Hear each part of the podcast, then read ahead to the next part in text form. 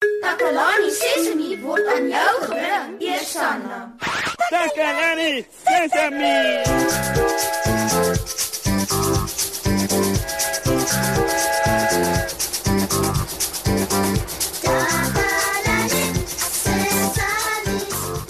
Hallo, hallo, hallo maats.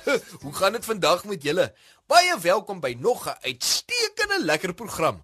En welkom ook aan Tannie Marie by vandag se program. Hallo Tannie Marie. Hallo my liewe Moshe en hallo aan al die maatjies. Ek dink dat Tannie Marie nog 'n fantastiese storie met ons gaan deel. Jy's reg Moshe. Vandag gaan ek 'n storie met julle deel oor wat dit beteken om 'n ware vriend te wees. O, ek hou van stories oor vriendskap Tannie Marie. So is jy nou gereed vir die storie Ja Moshe? ja ja ja, ja ek's altyd gereed. Uh, m- maats, ek is seker julle is ook gereed, né? Nee, reg. Ons is gereed Tannie Marie. Eendag was daar 'n meisie met die naam van Frida. Sy was so 'n slim meisie en sy het baie daarvan gehou om bal te speel. Frida het ook gehou daarvan om met albasters te speel en om aan aan te speel. Frida het gehou daarvan om baie te speel. Ek dink ek sal nogal baie hou van Frida, want ek hou ook van daardie dinge Tannie Marie. Ek hou daarvan om te speel en baie te beweeg. Maar Frida het 'n probleem gehad, Moshi. Sy het slegte humeur gehad. Oh. Sy het baie maal maklik kwaad geword wanneer sy besig was om met haar maats te speel. Haai. Want dit is nie baie vriendelik nie. Nee, dit is nie. En Frida moes leer hoe om haar humeur en haar woede te beheer sodat sy 'n goeie vriendin kon wees en nie haar maats verloor nie. Op 'n dag het Frida na 'n nuwe dorp en 'n nuwe skool toe getrek en by die skool het sy 'n paar nuwe kinders ontmoet. Die kinders het haar genooi om saam met hulle netbal te speel en hulle was besig om baie mooi en lekker saam te speel. Maar skielik het Frida die bal gegryp en geskree: "Ek is nou verveeld met netbal. Ek wil sokker speel." En sy het begin om die bal rond te skop. Die meeste van die kinders wou netbal speel en daarom het hulle die bal teruggeneem en aangegaan met netbal speel. Frida het weer die bal gegryp en almal het ophou speel. "Frida, ons wil nie sokker speel nie," het die kinders vir haar gesê. En weet julle wat het Frida toe gedoen?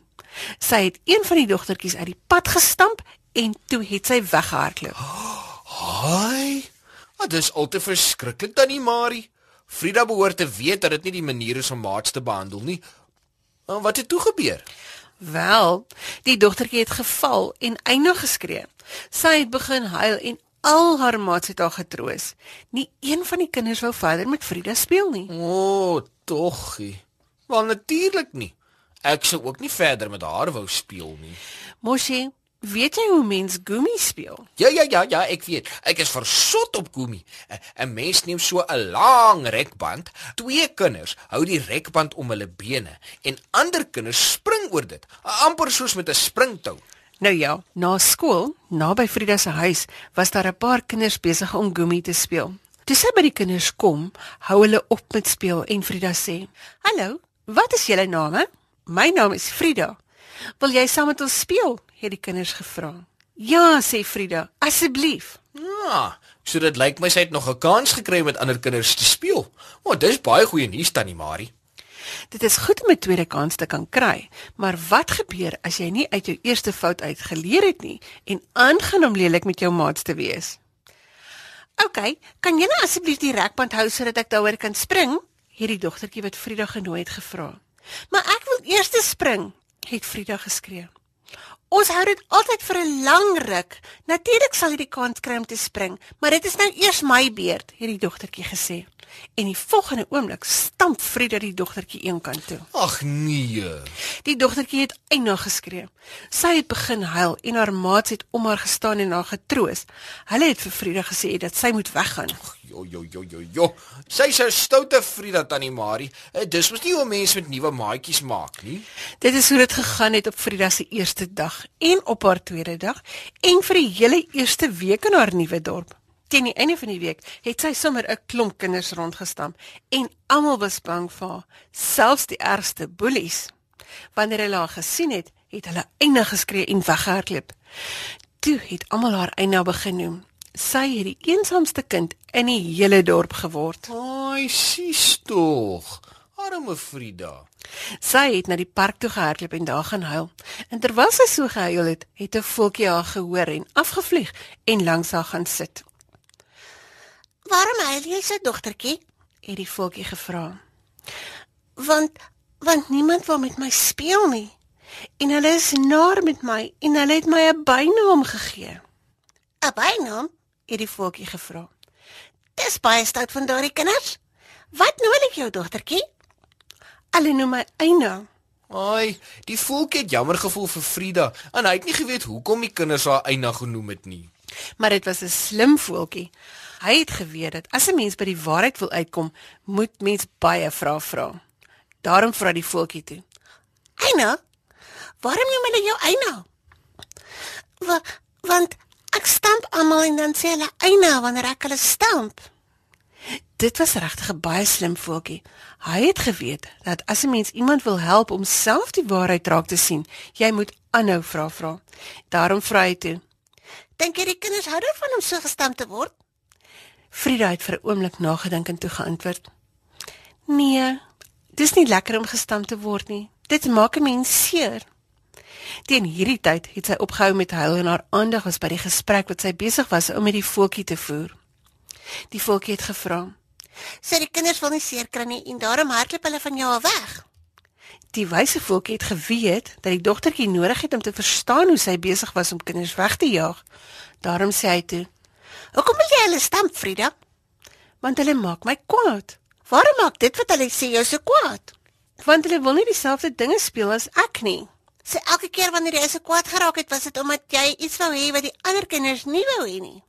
"Ja," het Frida gesê terwyl sy dink. Maar dink jy nie jy kan dit wat jy wil hê op 'n ander manier kry nie? Sies byvoorbeeld, as jy so sê, ouens, ek wil graag saam met julle netbal speel, maar net vir 'n rukkie, kan ons dalk eers bietjie sokker speel? "Sjoe, ek het nie daaraan gedink nie," het Frida gesê. Sjoe, wat 'n wyse voeltjie tannie Marie. Ja, hy was 'n baie wyse voeltjie, want toe vra hy: En toe jy beurt wil hê om te spring, wat daarvan as jy net vir jou beurt gewag het? Op daardie manier sou almal 'n kans kry. "Ek sien," het Frida gesê. Die wyse voeltjie sê toe vir haar: As jy 'n goeie maatjie wil hê, dan moet jy jou soos 'n goeie maatjie gedra. Maar dit was nou besig om laat te word. Sy was so lank in die park dat die son al besig was om te sak. Die aandlig was besig om oor die bome te spoel en die sterre was besig om uit te kom. Sy het skielik agtergekom hoe donker dit was en sy het besef sy sal vinnig by die huis moet kom. Ooh, nee. Uh, wat gaan nou met Frida gebeur? Intussen was almal in die buurt al bekommerd oor Frida. Die groot mense en die kinders was besig om oral vir haar te soek. Hulle het flitsse en kersse gehad en hulle het haar naam geroep. Frida! Frida! Hulle was baie bekommerd. Oh, so ek hoop hulle kry haar. Toe Frida hoor hoe al die stemme haar naam roep, haar regte naam, het haar oë sommer vol trane geskiet, want toe weet sy dat almal eintlik omgee. Toe maak sy haar mond oop en sy skree. Hier is ek almal. Ek is hier. Almal het in die rigting van haar stem gestorm en vir haar drukkies en seentjies gegee toe hulle haar kry. En haar ouma het gehuil en haar maat het haar op die rug geklop en almal was baie gelukkig. Toe het Frida gepraat. Ek is jammer dat julle almal bekommerd was oor my. Ek hoop dat al die kinders wat ek so rondgestam met my sal kan vergewe. Ek sal dit nooit weer doen nie. Sy het opgehou om kinders te stamp en elke keer wanneer sy gevoel het dat sy kwaad raak en haar meer gaan verloor, het sy onthou wat die voeltjie vir haar gesê het. Om 'n goeie maat te hê, moet jy 'n goeie maat wees. Dan het sy gestop, geglimlag en mooi gevra vir wat sy wou hê. En dit is die einde van my storie, Moshe. Sjoe, wat 'n wonderlike storie.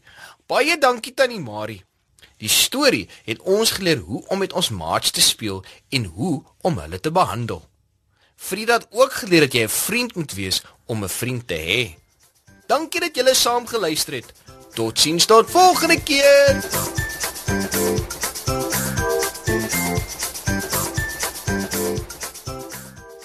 Takalani Sesemi is mondelik gemaak deur die ondersteuning van Sanlam.